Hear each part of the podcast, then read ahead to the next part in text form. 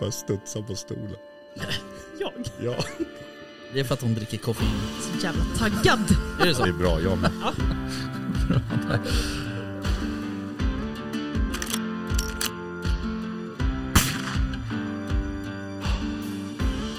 Var det lite mer liksom Sound of Music-vildsvin? Ja, men liksom, ja precis. Ja. Kosläpps liksom.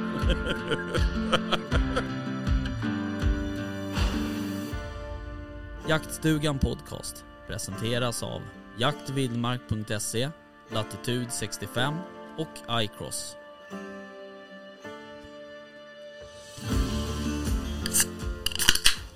Men nu fick jag ju inte vara med i alla fall. Nu. Så. Det är för att du har en 3-5, vi andra dricker Latitude. Mm.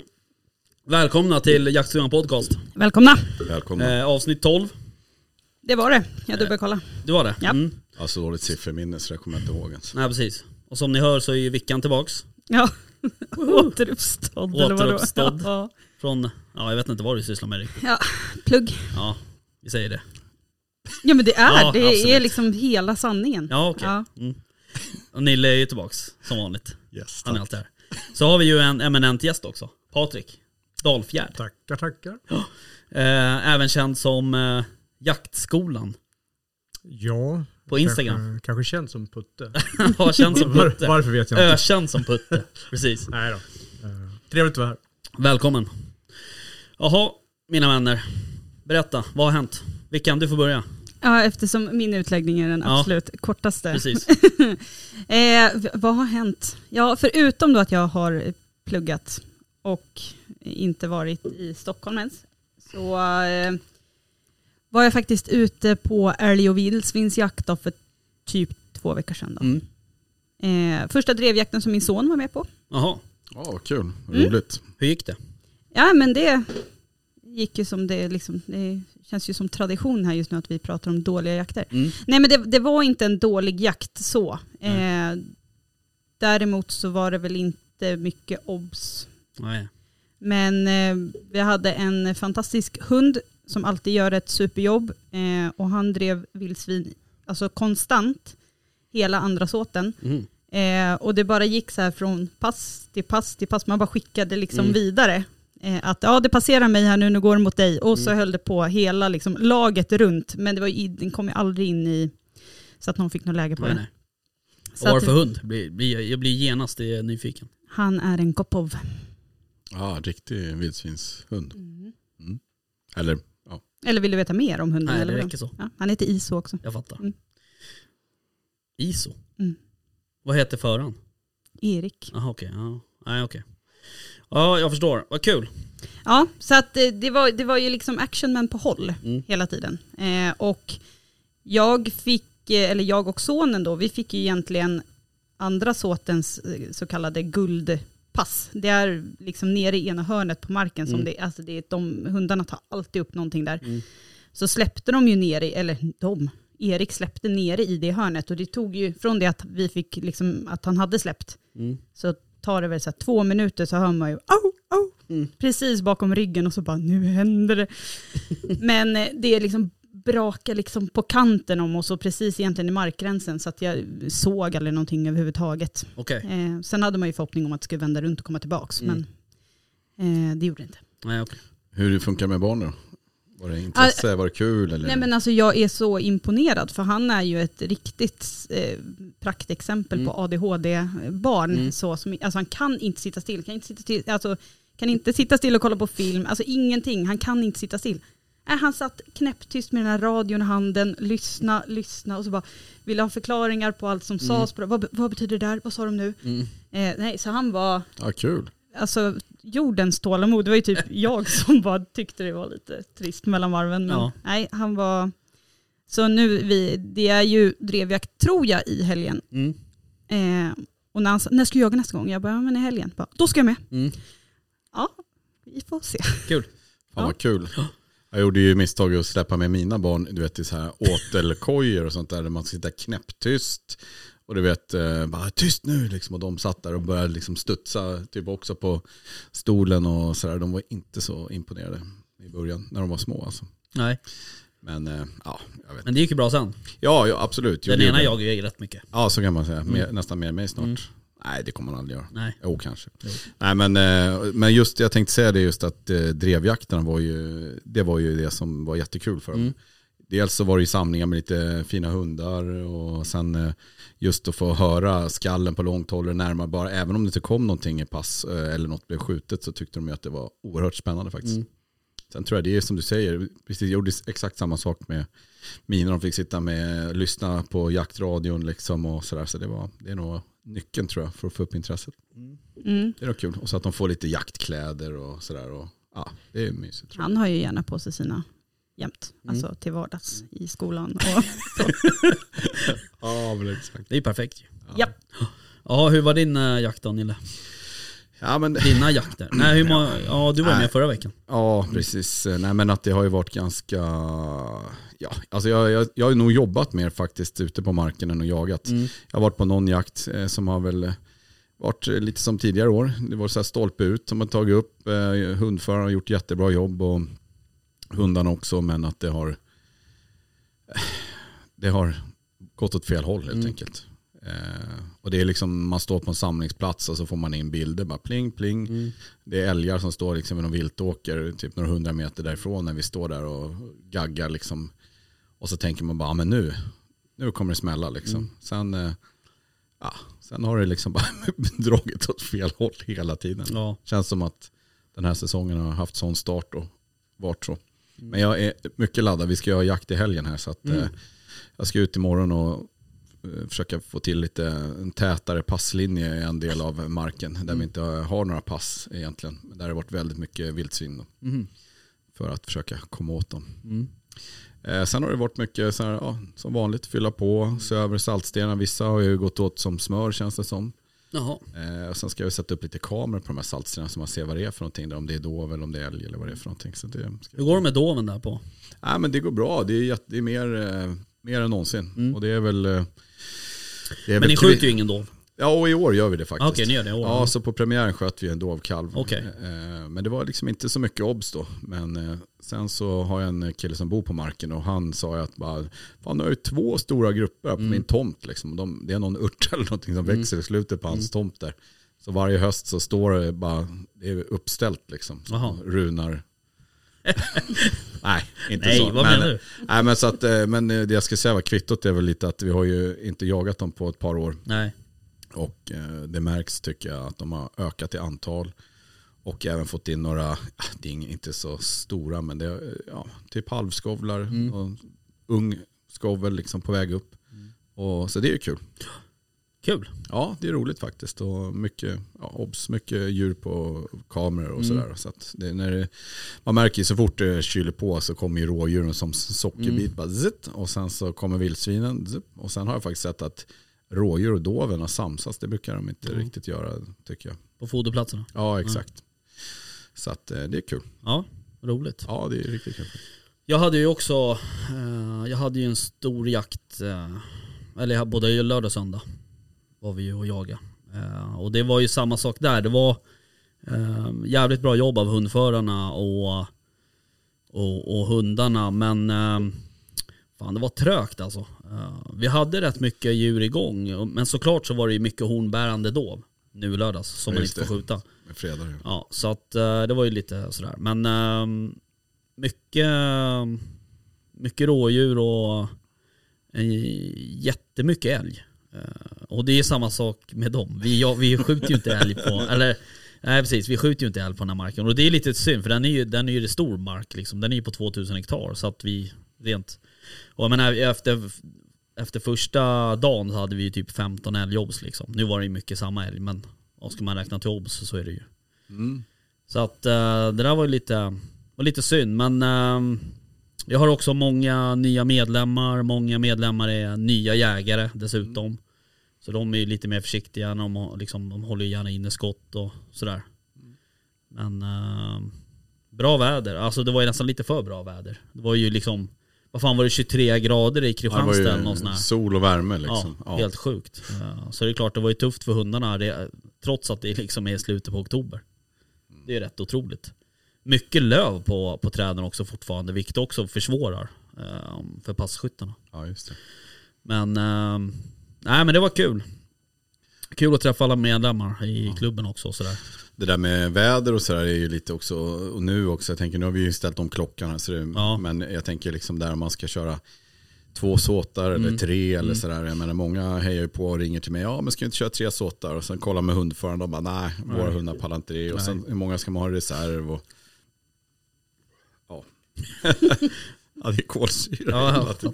Nej, Ja, för det men, där är ju eh, också sådär att jag brukar säga sådär, nej men eh, jag brukar inte vilja jaga tre för att jag vill ha den här sista, om det händer, för du kan ge dig fan på att händer det något så händer det typ sista 20 minuterna i sista såten. Ja, Då är det någon som bukskjuter en kron eller sk- skjuter någon ben eller något på någon vildsvin. så bär det av. Liksom. Ja, då vill du ha, då vill du liksom, hej då allihopa, skicka hem dem, ha några passkyttar och några eftersöks. Ja. Så man vill ha den bufferten brukar jag säga. Sen är det rätt, jagar man sådär, man jagar i Sörmland, man har två timmar hem, då vill man liksom ändå komma iväg hyfsat tid. Så man inte är hemma klockan tio på kvällen liksom. Vilket man eh, nästan alltid är ändå i och för sig. Men Jag tänkte säga det, det ska hängas upp vilt ja, och exakt. ska fixa. Nej men så är det ju. Så att, men, uh, nej men jävligt kul. Eh, dock lite besviken över att det inte fälldes mer, men vi hade mycket synobs. Får jaga dem, är det 16 där som man släpper? Ja, ja, för, ja Eller- eller, är det 15 då? Ja, men jag tror Ja. 16 är för att börja jaga Mm, tror jag. precis. Hornbärande är då Mm. som pratar vi om. Ja exakt. Då, Ja, då håller de sig undan. ja. Ehm, nej exakt. Och det där, det där med klockan och, och um, jag, hade ju, jag hade ju satt samlingen till klockan sju på lördagen. Ja, just Eh, det. Då var det ju för fan becksvart ute. Så ehm, det fick jag ju höra. Men ehm, det gick ju bra ändå. Tycker det tar ju tid ibland Ja, för att komma ut på pass och så är det någon som, all, ja, trots Ja. WeHunt och Ja. att det pekar vart man ska gå och man kan klicka så funkar Ja. det inte. Så. Nej, Där har jag nog tyckt också, vi har haft samling nu vid åtta de senaste gångerna. Och det är ju aldrig att hundarna släpps innan klockan är så här kvart över nio, halv tio Nej, ibland. det är lite sent. Så att det, Ja, det är lite tar, Alltså det tar ju mer tid än vad man tror. Ja, ja, absolut. Ja. Att bara komma igång. Jag hade ju 26 passkyttar också. Mm. Så att det är ju några som ska ut liksom. Jag hade faktiskt en liten omröstning i mitt eh, jaktlag här eh, hur vi ska göra. Eh, om man ska liksom lotta passen på morgonen eller om man ska lotta dem och lägga in det sen tidigare. Och då var det övervägande del tyckte att man skulle lotta dem och lägga in dem innan. Då kan man lägga in liksom såt 1, 2 ja, och eventuellt 3 så det är klart. Mm. Och då, är det ju så, då kan ju folk plugga på lite hemma innan jakten så att de vet var de ska gå och så vidare. Det tycker jag var faktiskt himla smidigt. Mm. Jag skrev, eh, jag har haft lite olika system eh, i den här klubben men nu så skrev jag faktiskt. eh, Jag skrev ner alla pass hemma, alltså Ja. i planeringen så att Ja. säga. Skrev ner dem varje pass, 1, 2, såt 1 och 2 på, på ett PM så att säga. Just det. Och sen så fick de ett PM som var över hela dagen, då hade de såt 1 och 2 på baksidan där. Ja, just det. Ehm, och då, då får du också den här, alltså man blandar ihop papperna innan jag börjar dela ut. Så att de här två som alltid kommer tillsammans och alltid sitter bredvid varandra, de hamnar brev, inte bredvid varandra. Ehm, så jag tycker att, eh, sen kan ju folk tycka att det är tråkigt att inte hamna bredvid sin bästa polare, men Ja. man måste ju vidga sina vyer.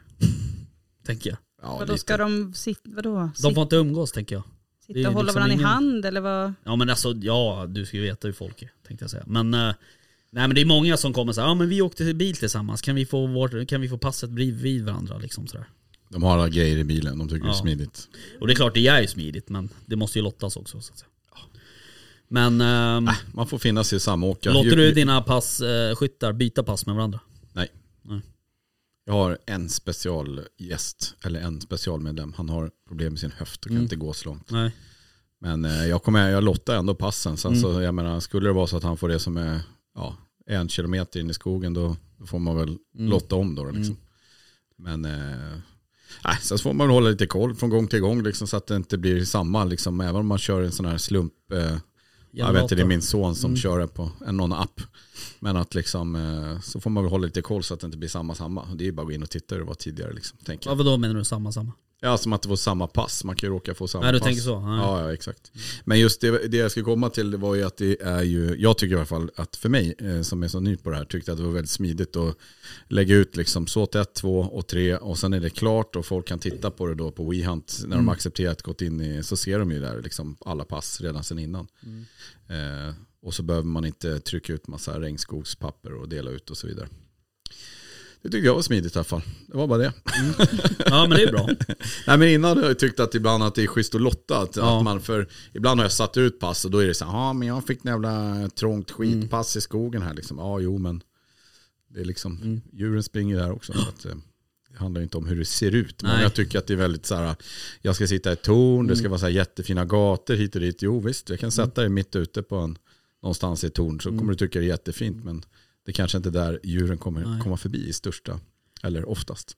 Nej så är det ju. Och det där med pass är ju så jävla individuellt också vad typ folk gillar. Och, och Ja, så här, oh ja. vad har man för vapen? Har man en drevkikare? Alltså jag har ju folk som ibland kommer med så här 3-12 kikare liksom.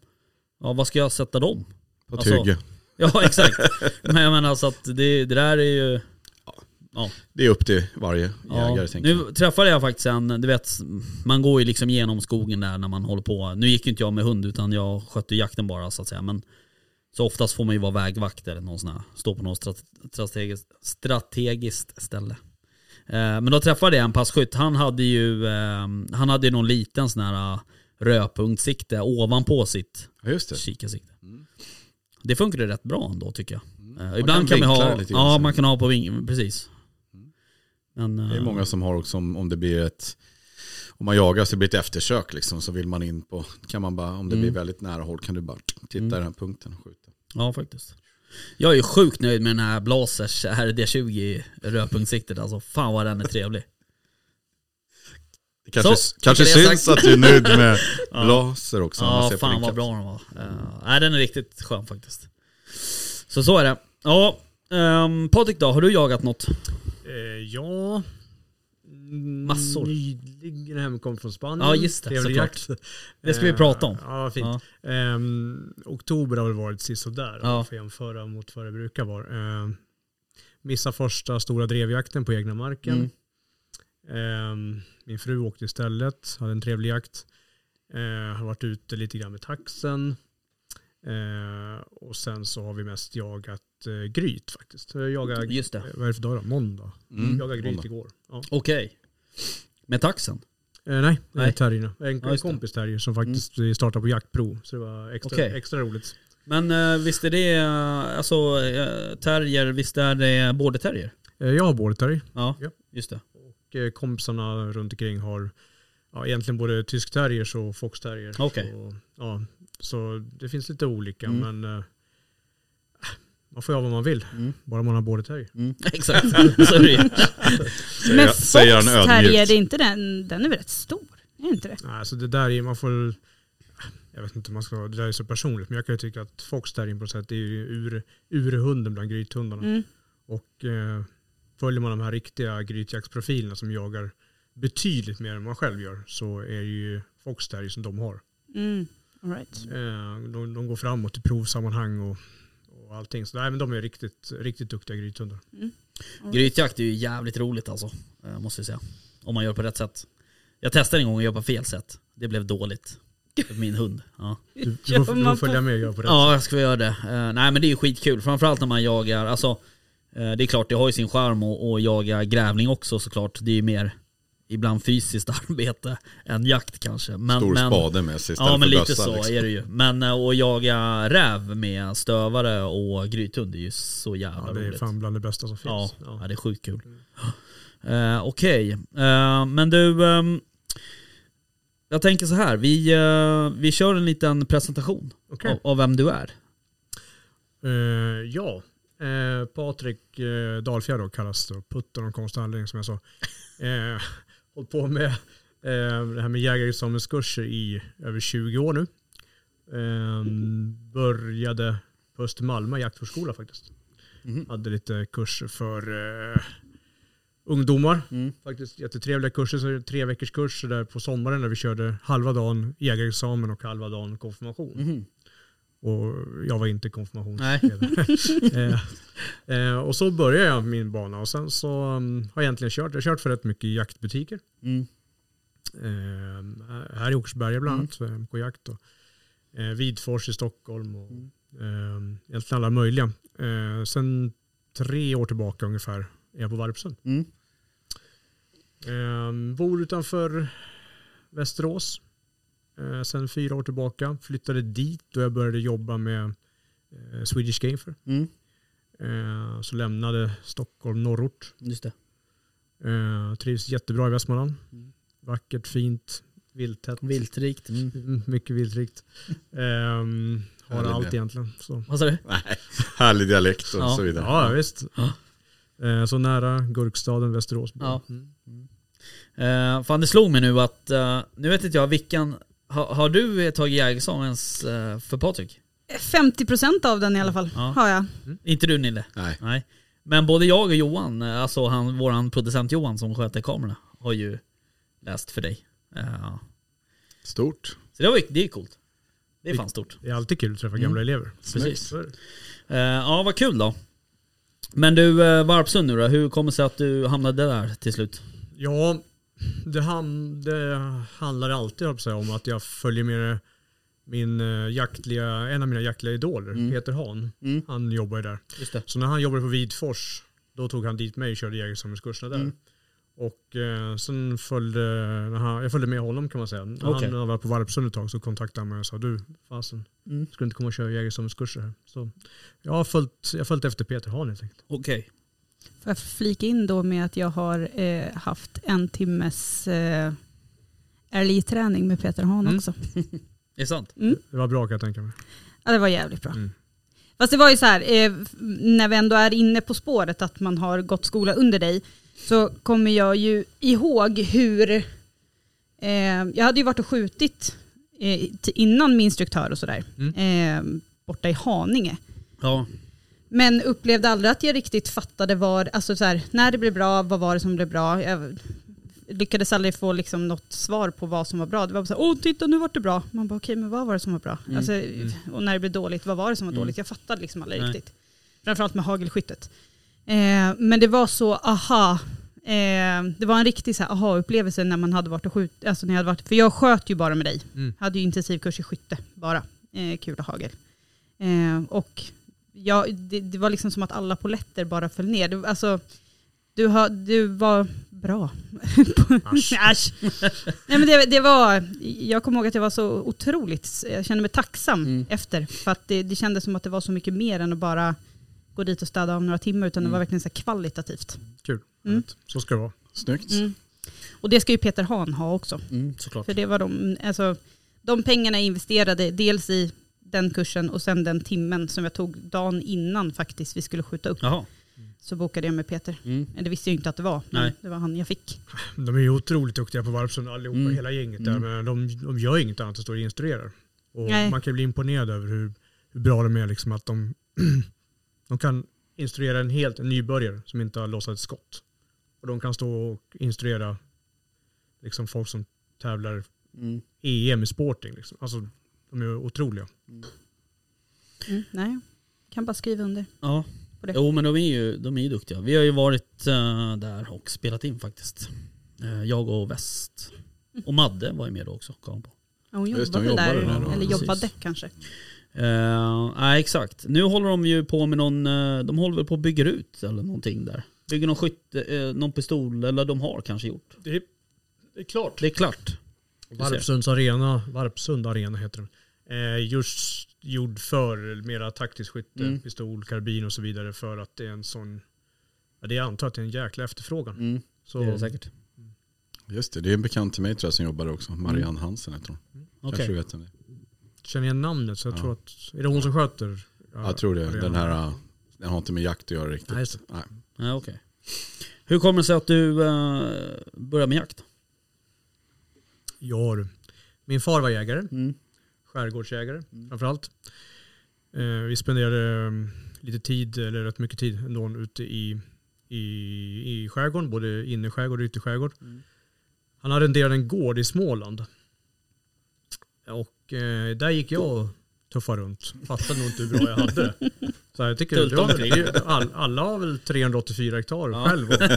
Och, Och få gå runt som ja, man det vill var på. väl jätte, och fantastisk eh, eh, rådjurspopulation på den tiden. Det var ju rådjursexplosion Mm. efter att rävskabben hade härjat. Eh, så det märktes jag av. Eh, och när jag, vet inte vad som hände när, när jag blev riktigt jaktintresserad, riktigt fanatisk. För det var ju under de åren så mellan, mellan, ja, mellan 12 och 18 så Mm. var det liksom då var det tilt i huvudet på honom helt enkelt. Då, då började pappa dras, dras tillbaka. Liksom. Mhm. Vi hade bekanta och vi jagade med en tax och lite drever så var ju väldigt typiskt på den tiden Mm. såklart. Och eh, jag märkte det efter ett tag att han var inte alls sugen egentligen. Framförallt, framförallt inte sugen på att skjuta. Nej. Eh, så efter ett tag så inser jag att det här att min stora dröm att få jaga mycket med pappa, det Mm. kommer nog inte, Ja, nej. det kommer inte ske. Och, ehm, så det var andra som tog hand om mig sen. Mm. Eh, så, men det var så jaktintresset började. Okej. Barnsben. Men eh, pluggade du, har du pluggat jakt så att säga? Jag läste in jägarexamen själv när jag var 11, 12 Ah, okej. år någonting. Mm. Ehm, jag hade nog behövt en, en riktig kurs. men, Nej, se på dig, det har gått ganska bra ja, det kan man ganska säga. bra. Ganska. Ja, precis. Mm. Ja. Ja. Ja, jag fattar. Ja, men det är, så kan det vara ibland. Ja. Nej som sagt, så det var i, i, när jag började bli sådär runt 15-16 så var det andra gubbar på lokala jaktskytteklubbar som tog hand om mig. Okej. Mm. Så, men det jag tror är viktigt är det, man får någon form av mentor. Mm. Någon som tar hand om en. Mm. Och här, jag hade tur i det här fallet. Två riktigt sköna gubbar som tog mig under sina vingar. Mm. Eh, både när det kommer till skyttet och jakten och jakthundar. Och utbildade mig till viltspårdomare Mm. och skulle bli jaktprovsdomare till höger och vänster. Och, och, jag fick en kanonuppfostran i jakten. Okej. Ja, det där, är ju, eh, det där har ju blivit mer och mer sådär eh, just med mentorskap liksom. Mm. Ehm, jag håller ju på också lite med det med det här första jaktåret och sådär och man märker att det finns ett intresse. Ja. Eh, och jag tror att det kan, eh, alltså det är bra. Sen majoriteten av de som liksom de som tar jägarexamen, eller så här, majoriteten av de som fortsätter och jagar efter examen, de kanske lär sig eller kommer ut på jakt av egen, liksom på egen hand och sådär. Men det finns ju ett hål att fylla där, Absolut. tror jag. Absolut. Det är något stort liksom med, tanke Ja. på, går man en, eh, oavsett hur bra liksom den här examensutbildningen är så är det en stor, stort glapp, precis som du säger, som, du kan, eh, eller ja, som man kan fylla där och Mm. med tanke på att när man har tagit sin examen till att man ja, fäller sitt första vilt, ska ta ur det, man ska liksom, och det, sånt där tar ju tid liksom att lära sig. Så att, eh, det är som, precis som du säger, jag tror Mm. men att det- det är viktigare än eller det är minst lika viktigt som själva jägarexamen kanske. ja, liksom, där, att man får en bra mentor. Liksom, och, eller att man, ja. Men det är ju där också någonstans det börjar på riktigt. Det är ju precis som att ta körkort sådär. Ja. Alltså nu har du en lapp som säger att du får köra bil, men du kan inte köra bil.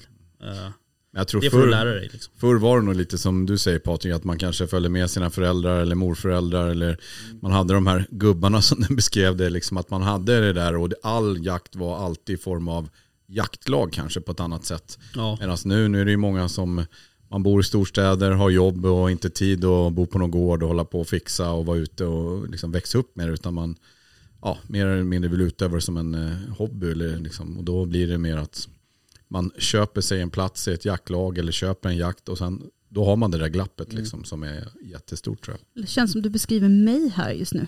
Jaså?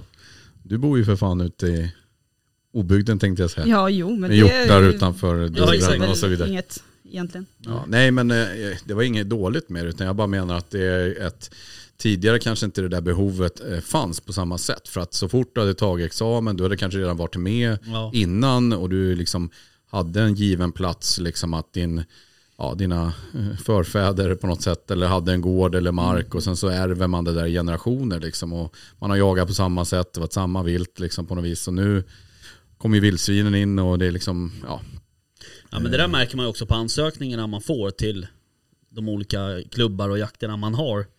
Det är många som säger jag har ingen anknytning alls till jakt liksom, utan Nej. jag tyckte det här verkar intressant eller jag vill lära mig mer om naturen eller ja. liksom äta bra kött eller Ja whatever, exakt, Liksom. den här boomen med ekologiskt Ja. och matlagning och klimatsmart Mm. eh, kött och sådär.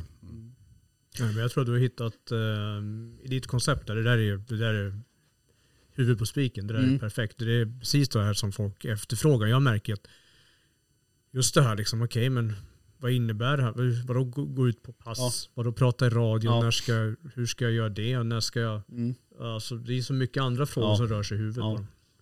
Jag Ja, har ju, precis. vad heter det, alltså nu vågar jag väl ändå säga att jag börjar bli hyfsat trygg i det här med att liksom axla beslut själv.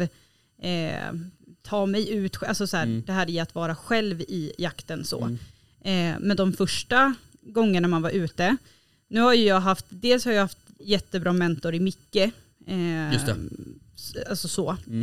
Eh, inte för att han någonsin har suttit med mig, Nej. när, alltså ute så, men ändå väldigt så här, tydlig och eh, alltså, informera innan.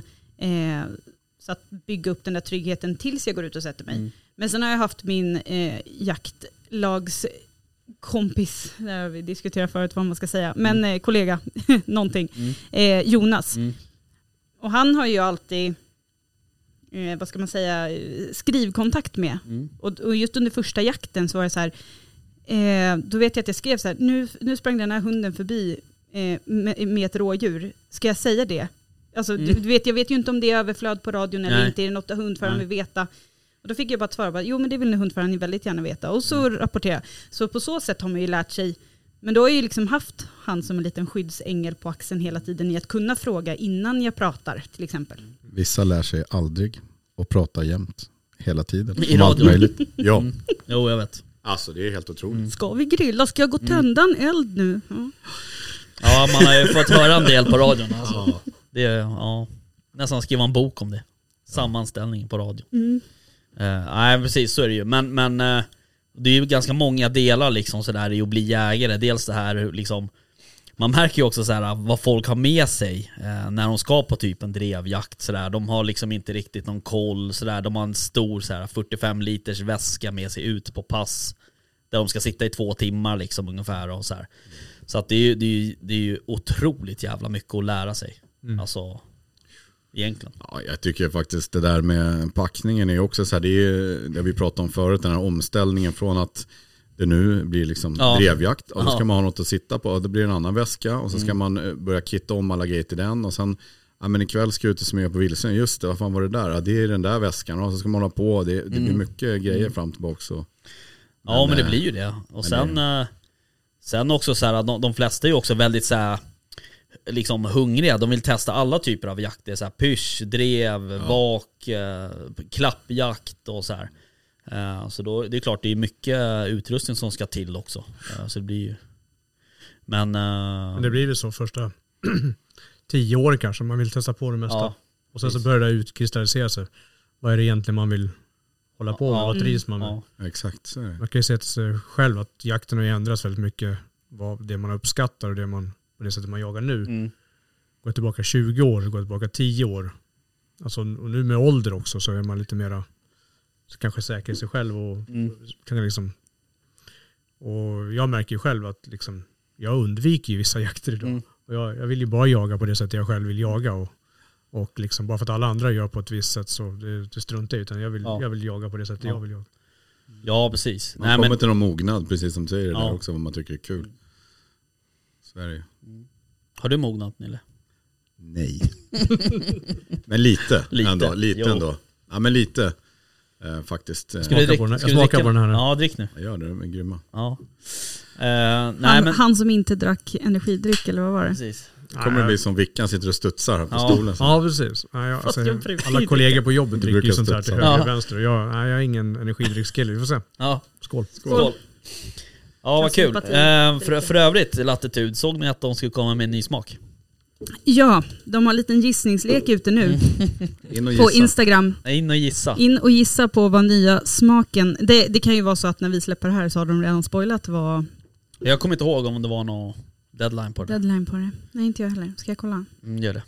Okej, jag erkänner att den var god. Mm, exakt. Ja, det Den är god. Eh, Alla de här är gr- grymt goda, det är det som är helt sjukt. Att, eh, faktiskt. ja, alla smaker är jävligt nice.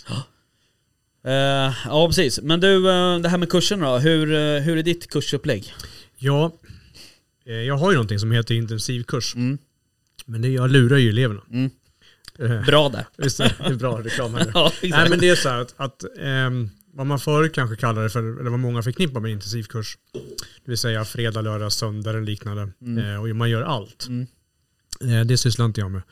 Utan det vi gör är att det är intensivt fredag, lördag, söndag, men det består bara av teori. Mm.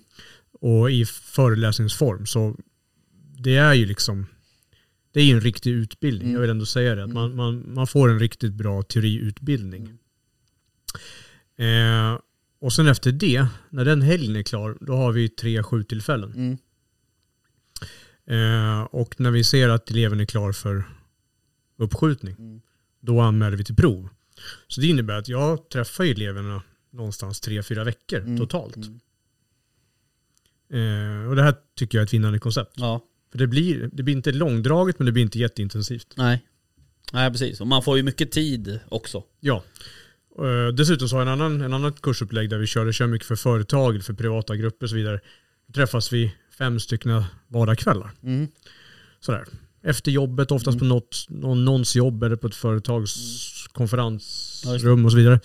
Sådär 18 till 21 och 30 och sådär, varje onsdag. Mm. Eh, och de kurserna blir ju kanon. För då, det blir inte de här 10-12 veckors långdragna historierna.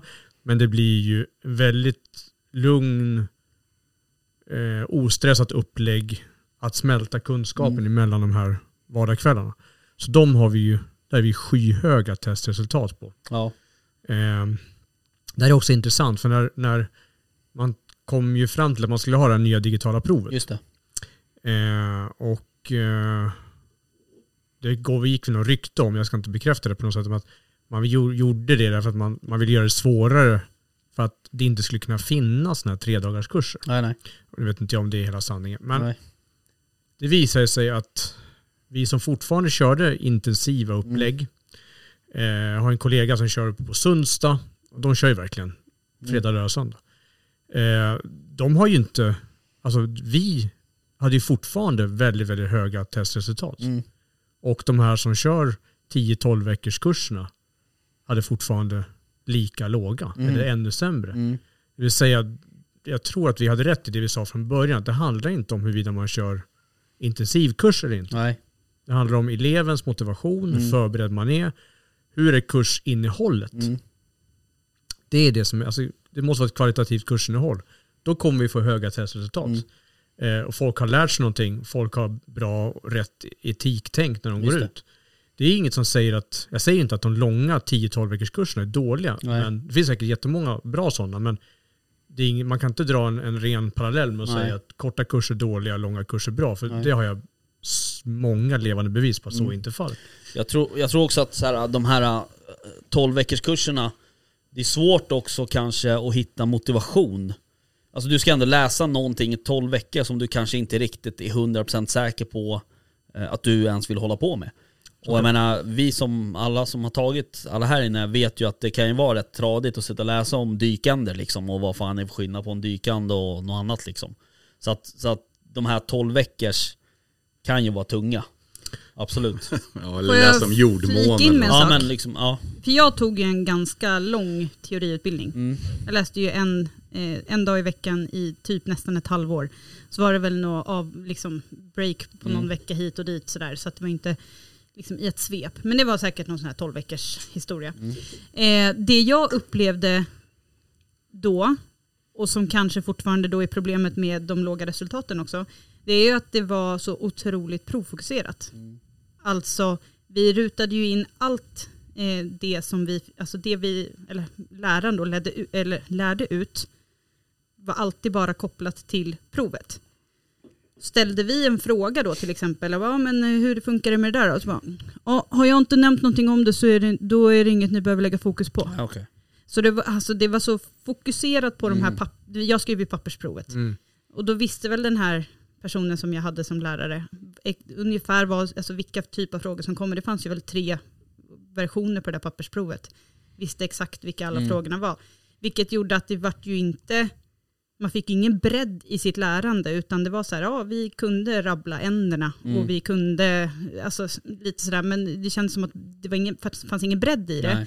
Och då när de byter till det här digitala provet som har en helt annan bredd, då är det nog svårt att ställa om hela utbildningen också när de bara har fokuserat mot det här pappersprovet kanske. Jag vet Sant. inte. Eh, jag jag tänker att har man, skulle, jag få, liksom, skulle jag få köra en 10-12 veckors kurs, ja men eh, fantastiskt. Då, kan ju, då kan jag verkligen liksom, Mm. berätta en massa sköna jakthistorier och berätta om allt möjligt. Det, det kan ju liksom där kan ju Putte gå all in. Men, Mm. men nu har jag ju inte tid med det. Nej. Men jag som har så mycket att berätta om mig själv. Jag har ju, exakt. ja, Som man har. så, ja, Ja, och alla vill veta. ja exakt. Det får Men- man men- förutsätta. Ja, men, men det är jättemärkligt att, då att, att man, man tycker att för den 10-12 veckors kursen borde ju vara, där borde du verkligen få in det. Jag, däremot, jag kan känna igen mig i det du säger nu.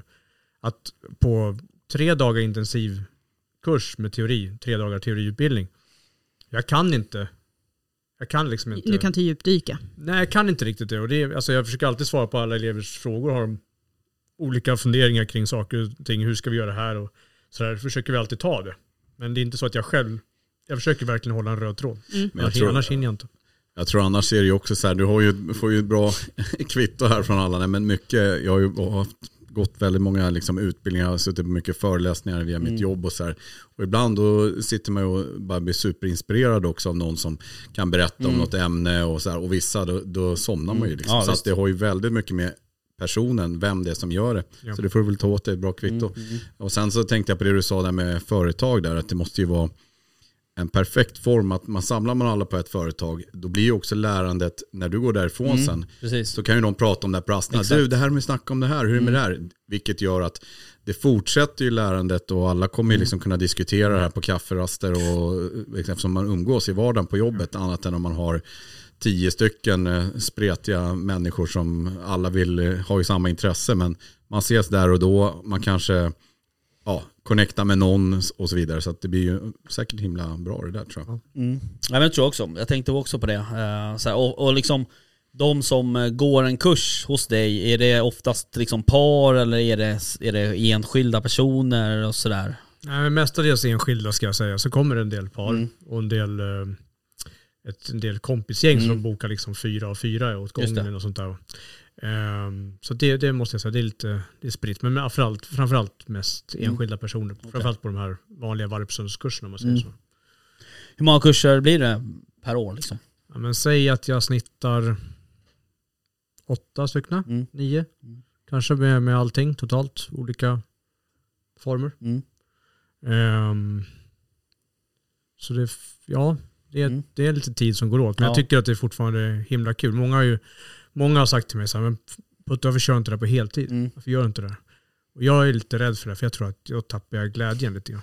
Mm. Kanske blir som din pappa, bara lägger av helt. Mm. Ja, precis. Nej, men då ska jag liksom behöva jaga Mm. kunder för att Ja, täcka upp annat. kostnader och annat. Nej, men nu känner jag så här, har jag en kurs, vi ska köra fem kvällar.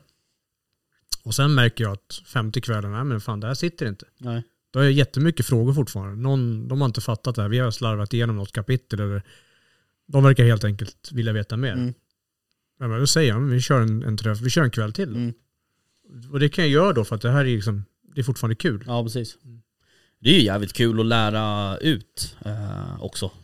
Eh, tycker jag. Alltså det är ju fram- framförallt om man har en sån här motiverad grupp liksom som faktiskt har liksom de, lagt tid åt det, alltså dedikerat tid åt att vara och lyssna på någonting liksom. Det är jävligt roligt. Det där är ju du och jag pratat om Rickard, att ibland är det nästan roligare att ha med sig någon som kanske inte är så va- van Nej. eller erfaren, som kanske aldrig skjutit sitt första Nej. vilt av något typ av slag. Och så får man följa med och liksom typ guida, Mm. prata och sen så dyker det här viltet upp och så får vara med när de fäller. Det är Ja, det är- fantastiskt. det är så det jävla är sjukt roligt. Det är roligare än att skjuta själv faktiskt. Ja faktiskt. Det Ja, det är mer, mer tillbaks liksom. Jo men det är det. Jag var ju med i våras här när det var en person som uh, sköt sin första bock. Och det var ju, alltså det var ju, alltså det är ju typ höjdpunkten i år liksom på jakten. Det är så jävla roligt. Ja. Sen kan man ha de här jakterna där det är 26 passkyttar och det är också skitkul liksom. Men det är inte riktigt samma sak. Så man vet att det där minnet av den där första bocken, det kommer liksom etsa sig fast sådär. Det är svinroligt. Så Det är kul på ett annat sätt. Ja, lite så faktiskt. Man känner sig nyttig kanske. Ja. Det är ändå lite sammanhållning och det är Ja, kul ja. att träffas. Ja, absolut. Kanske dra de där jakthistorierna som du pratar om. Mm. Så det är kul. Ja, precis. Men upplever du att det är en, jag tänker ändå att det här är ju någonting, alltså det här är en utbildning som folk söker sig till av eget intresse. Mm.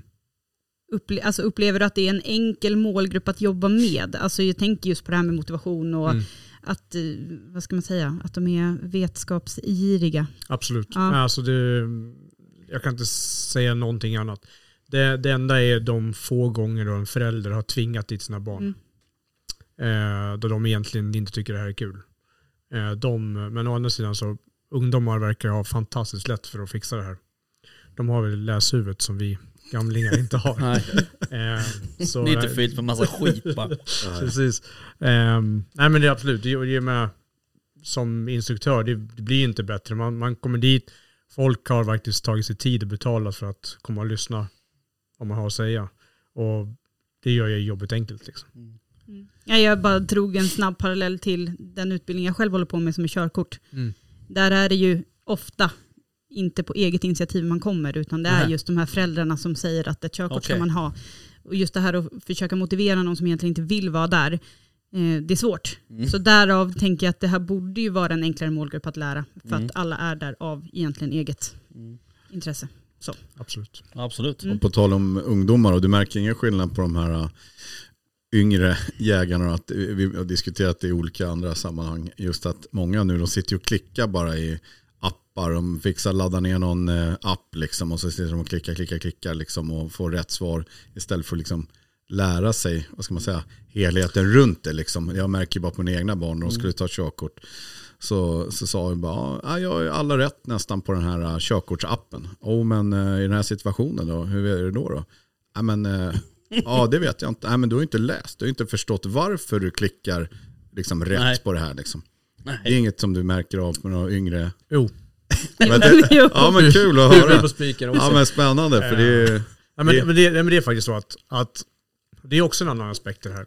Ehm, om man nu kollar på kritiken som finns mot att man ska inte köra intensivkurser. Nu har ju inte jag riktiga intensivkurser men vi vet ju ändå att det Mm. finns sådana. Ja. Ehm, då finns det liksom att okej, kritiken är att det ska inte finnas intensivkurser. Men det är helt okej att, för det är fortfarande både lagligt och helt okej och verkar inte vara någon som har någon synpunkt på det. Att man kan sitta hemma med en app, läsa allting själv. Inte känna någon jägare, inte ha någon jägare i familjen, ingenting sånt. Ingen förankring i jakten. Man kan ju faktiskt, är man duktig, har man duktigt läshuvud, eller bra läshuvud heter det, så, så kan man läsa in all teori, skri- skriva provet och vara godkänd. Mm. Eh, det finns ingen, Nej. ingen som helst Nej. fundering och Nej. kritik mot. Däremot att, att gå en, en intensivkurs, det är tydligen eh, inte Det är alls... bannat. Ja, precis. Mm. Va? Och, det, och det, det där kan jag tycka är lite konstigt. Mm. Eh, är det någonting som inte borde vara tillåtet, det är att man faktiskt Ja. skulle, kan, man kan läsa in där helt, helt Och själv. sen är det ju liksom, någonstans måste man ju vara lite, vad ska man säga, källkritisk också gentemot de appar som finns. Lite så här, vem har byggt upp appen? Vem har samlat information? Vem, alltså så här, vem ligger bakom det här? För det exakt samma app som finns för att ta körkort just nu. Alltså det är en, jag ser appen framför mig, den är grön. Mm. Eh, och man ska gå i någon stege, man ska läsa på lite här och så ska man svara på frågor om det. Mm. Eh, exakt samma app finns ju för jägarexamen. Den Ja. ser exakt Mm. likadan ut. Mm. Och röda tråden är ju, jag säger det direkt, de som bara pluggar appen, de har ju absolut sämst testresultat. Ja, Okej. men det är inte konstigt för då har de lärt sig. Det, vi ser exakt Mm. samma problem Mm. med körkortsfrågorna. De lär sig svaren på den här specifika frågan. Sen att den specifika frågan ska dyka upp på provet är kanske rätt osannolik. Eh, vilket man då också får ett ganska bra kvitto på Mm. att det du har pluggat där, det, alltså det är ju ingenting av det här. Nej, som, du kan den frågan och du vet vad svaret är på den frågan. Mm. Men den kommer inte på provet sen. Nej. Och då har du, ingen, då har du inte bredare kunskap än att liksom, ja, chansa sig till och så blir det Ja. fel. Om jag hade gjort en app för fem år sedan Mm. Och jägarexamen så hade den varit perfekt. Ja, såklart. Ja, det är samma det, vi, vi har ju pratat om det här tidigare också med det här att eh, för och nackdelar med jaktfilmer. Det är ju självklart jättekul att titta Mm. på, fantastiskt roligt och man liksom underbart. Men då också med den här, jag får kalla dem för app-generationen, Mm. även de som sitter och klickar i sina smartphones. De är ju också lite så här, ja men eh, när jag kollar på den här filmen då small det ju hela tiden på den här jakten. Och här smäller ingenting nu. Man Nej. bara, ja fast det är ju så här det är. Ja. Nej, men jag har ju sett på Mm, YouTube att det smäller hela tiden. Det kommer hundra vildsvin här och han Frans Albert bara smäller på dem med liksom sex stycken i ett pass. Ja. Ja, ja men det, nej. Jag, jag vill också göra så. Ja. nej, men jag tänker bara det är liksom en eh, liten, eh, kanske ett generationsskifte då, Ja, kontra ja. det du pratade om när du växte upp där. Taxodrever och liksom du var ute där. Men någonstans så fick man ju med sig helheten och kanske hemifrån på ett annat sätt. Mm. Ja, ja, intressant. Men hör du, ehm, du är inte bara i Sverige och jagar heller. Nej. Du var ju i Spanien här berättade du precis. Jaha. Eller ja, precis, för 49 minuter sedan. Ja, precis. Ja, eh, lite, lite skrytsamt. Ja, här, exakt. Men du, eh, berätta om det. Det var väl en eh, lite speciell resa så att säga? Ja, det var det. Ehm, jag har inte jagat jättemycket i Spanien förut. Ehm, eh, har mest hållit mig i eh, Sydafrika Mm. annars. Eh, Skottland och USA. Men, men Spanien är ju, ja, säga vad man vill alltså, men det är ett vilket jaktland. Okej. Det är helt fantastiskt. Dessutom så får man det här med bra väder, Mm. bra mat, bra dryck. Nära också, hyfsat. Nära, Mm. enkelt. Alltså, ska man åka med bössa så vanligt ja, skjutvapenpass Mm. liksom. Och, vi som åker med pilbåge, liksom bara checka in sportbagage, Mm. inga krusiduller någonstans och lätt och kort flygresa. Och, Mm. eh, men alltså de här bergen i Spanien med viltrikedomen med Mm. kron och dov, eh, för vissa delar då gems, eh, mufflon i stort sett, inte överallt men många ställen Mm. eh, manfår, alltså Barbary Sheep. Eh, och sen de här fyra ibex-arterna Mm. eh, som jag blir helt sjuk av när jag ser. Alltså. Eh, det är ett fantastiskt jaktland. Eh, det är ju många svenskar som åker i Spanien såklart, men många tyvärr har väl en tendens att nästan mestadels åka på Monterias, stora drevjakter. Eh, och jag kan tycka, precis som i Sverige, att för mig är inte det någonting att ha, utan Nej. jag gillar den andra jakten. Ehm, så när vi, jag och min son, som, han är också bågjägare, ehm, vi var där och jagade eh, Southeastern Ibex då, som ligger nere i, ja, som du, namnet säger, sydöstra Mm. I Andalusien vid Sierra Nevada. Så en av de här fyra Ibex-arterna. Mm. Eh, Så tanken var att vi skulle skjuta varsin sån. Eh, Vi hade tre dagar på oss.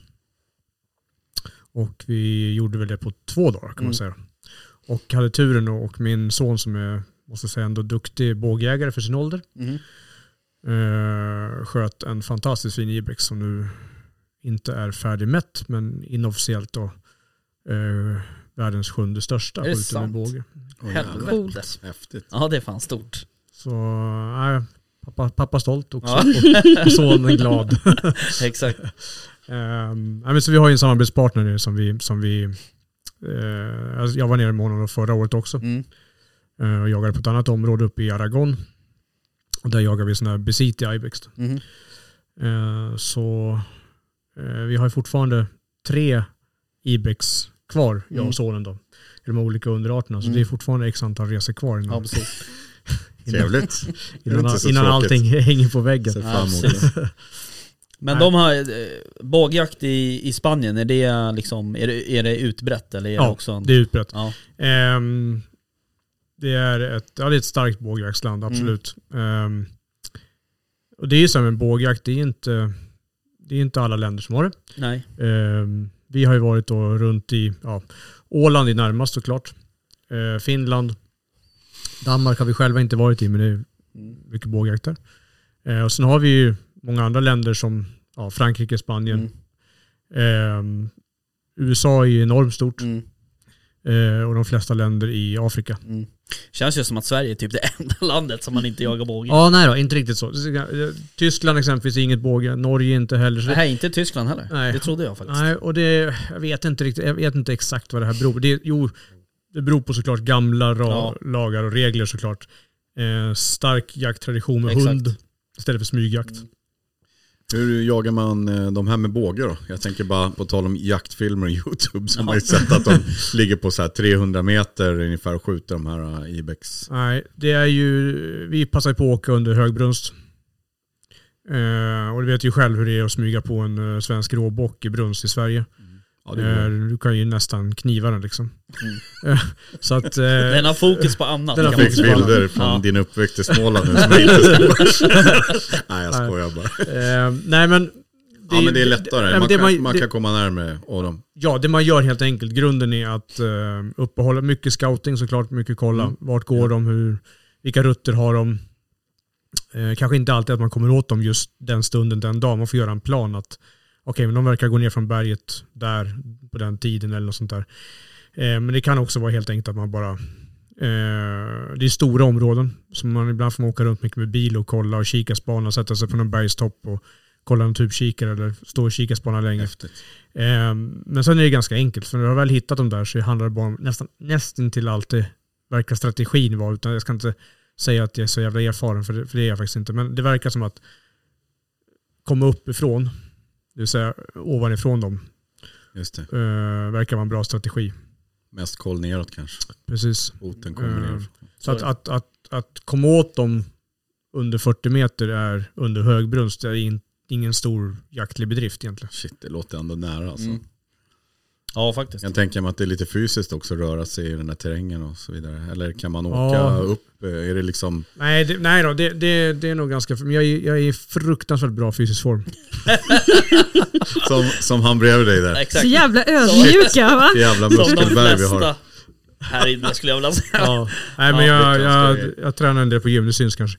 Ska vi börja träna Nille eller vad är det du Ja, säger? jag vet inte. Eller Nej, nej det, det är ju, nej jag ska, jag ska faktiskt säga att det där krävs inte, ibexjakt i, i, i Spanien krävs inte något eh, fysiskt eh, stor fenomen för nej, förklara. Okej. Det finns hopp Nille. Det finns hopp alltså. Ja. Det är bara att haka på. Ja, fan, jag är taggad. Ja. Men en fråga där gällande sonen. Mm. Jag följer honom lite på sociala medier. Ja. Jagar han på något annat sätt än med bår? Alltså är, är det inte intressant för honom? Alltså det är jag som har, jag, det är jag som har sabbat det från början. Mm. Eh, han var med mig, han var med mig till Afrika första gången han var 12 och Mm. sköt sina första fem vilt. Eh, sen var han med mig igen när han var 14, när han var 16 och nu då. Så, så det blir så här, när jag säger så här, Arvid ska vi, ska vi inte ta och gå ut och gräva efter en grävling? Då är det så här, nej. Nej. han, han, han hade ju fått helt fel. Men å andra sidan så, han var ju, han var ju Enkelt 12. val liksom. Ja, precis. men Han var ju 12 när han tog jägarexamen. Han Mm. var också 12 när han tog internationell bågjägarexamen. Och engelska. Så att han, han, han var ju liksom, han var inriktad från bågjakt från början. Mm. Han tycker att det är kul med gevärsjakt, absolut. Men då, då ska, han är precis som mig, då ska det vara smygjakt. Mm. Så drevjakt är eh, helt ointressant i stort sett. Mm. Eh, och man får säga vad man vill där, men han är ju han är ju troféjägare. Mm. Punkt. All right. Och det får man ju vara. Absolut. Det är den bästa viltförvaltningsmodellen. Precis. Angående det där med troféer, hur får ni hem dem där? Är det svårt eller Nej, superlätt. Det är bara fixa, bereda dem där? Ja. Eller? lämna till konservator, frakt hem. Och sen kommer nästa fråga, hur får du upp allt på väggen då? När det blir så Ja, alltså jag, jag, Köpa har, ett extra hus? jag, har för lite, oh. ja, jag har för litet hus, så är det. Det börjar bli riktigt trångt efter sju resor till Sydafrika och ett par resor till Spanien, Skottland. Så då, det här börjar bli ett eh, det börjar bli ett problem. Det låter ju skrytsamt men det, ja, det, jag oroar mig lite grann för jag vet inte hur jag ska... Vi kan lösa det efter. Jag har, jag, jag har ju bra kontakter på hus. Vad bra. Jag tänkte annars finns ju lite gluggar här på väggarna i Ja, jaktstugan. om det, alltså, var ändå mycket fint här. Men du, ehm, du har ju pratat lite om Sydafrika och sådär. Du, Mm. ehm, du, för du anordnar ju resor också. Ja, Mm. Berätta lite om det. eh, vi kör resor till just Sydafrika och Spanien. Mm. Eh, Sydafrika är ju eh, otroligt enkelt. Mm. Det är lite grann Afrikas Europa. Eh, det är eh, otroligt prisvärt om man kollar på värld, alltså jaktvärlden runt. Mm. Eh, det, är, alltså det är ganska enkelt uppläggning. Det finns ju massa aktörer som håller på med det här Ja. såklart. Eh, och det är inget konstigt. Man åker dit en vecka, jagar vi, i alla fall som vi har. Vi har sju dagars jakt. Mm. Bor på en trevlig lodge. Eh, man skjuter väl, säga att man snittar varje, kanske en gevärsjägare snittar någonstans mellan fem och åtta vilt på Mm. vecka. Eh, mycket kan man ju skjuta för inga pengar alls egentligen. Mm. Babian. Eh, absolut. Yes. Eh, mycket vilt är ju otroligt vanligt förekommande. Mm. Eh, så, så då är det så att de, de arterna är ju både lättjagade och billiga. Mm. Eh, men man får ju väldigt, väldigt mycket jakt för, för pengarna, så Mm. kan man ju säga. Eh, sen är det där med att det är ju både, både hägnade områden och ohägnade. Mm. Och svenskar är ju extremt noggranna och tycker att det här med, Ja. med, med hägn är ju fruktansvärt. Eh, och där kan man ju diskutera all, all oändlighet. Eh, pratar man med sydafrikaner, de förstår inte vad vi Nej. pratar om. Eh, och jag menar, jag pratade med en yrkesjägare hemma i Sverige flera gånger, vi pratade om det där med hägn.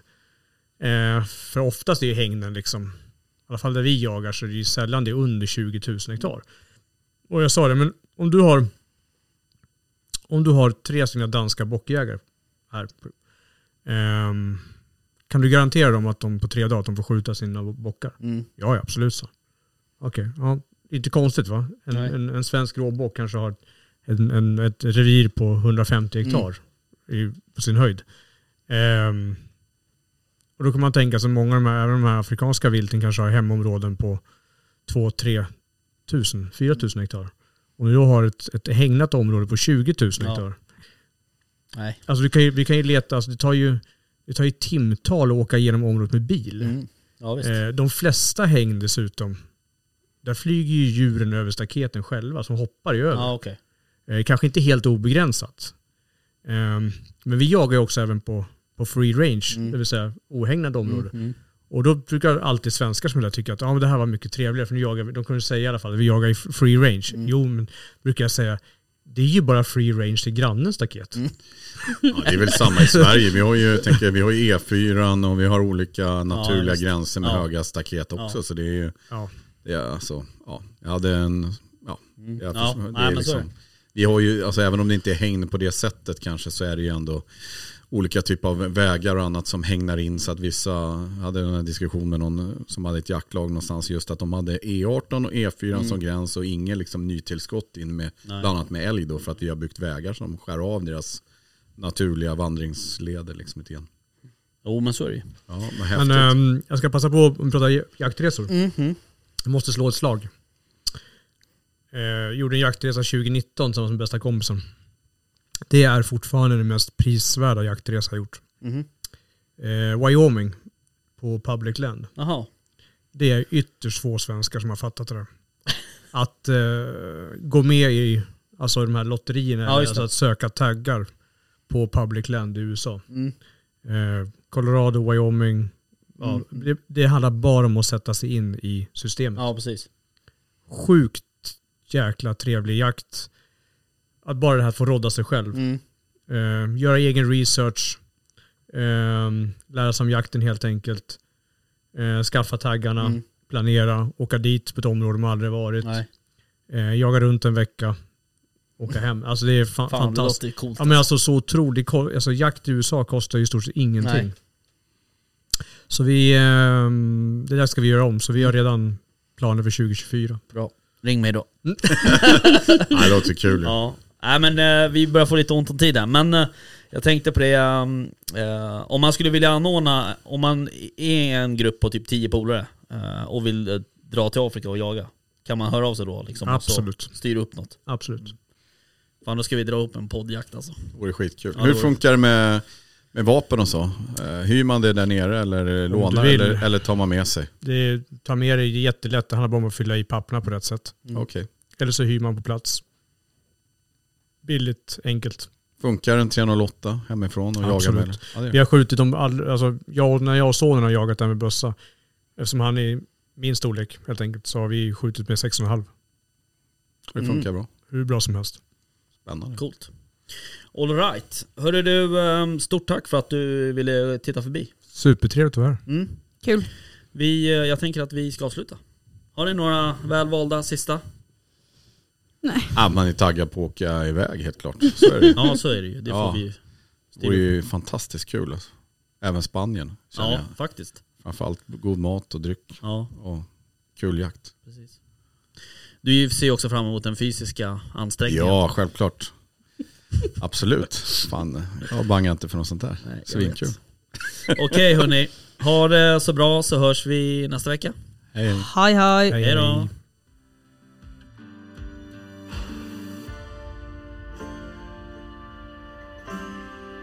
Jaktstugan Podcast presenteras av jaktvildmark.se, Latitude 65 och iCross.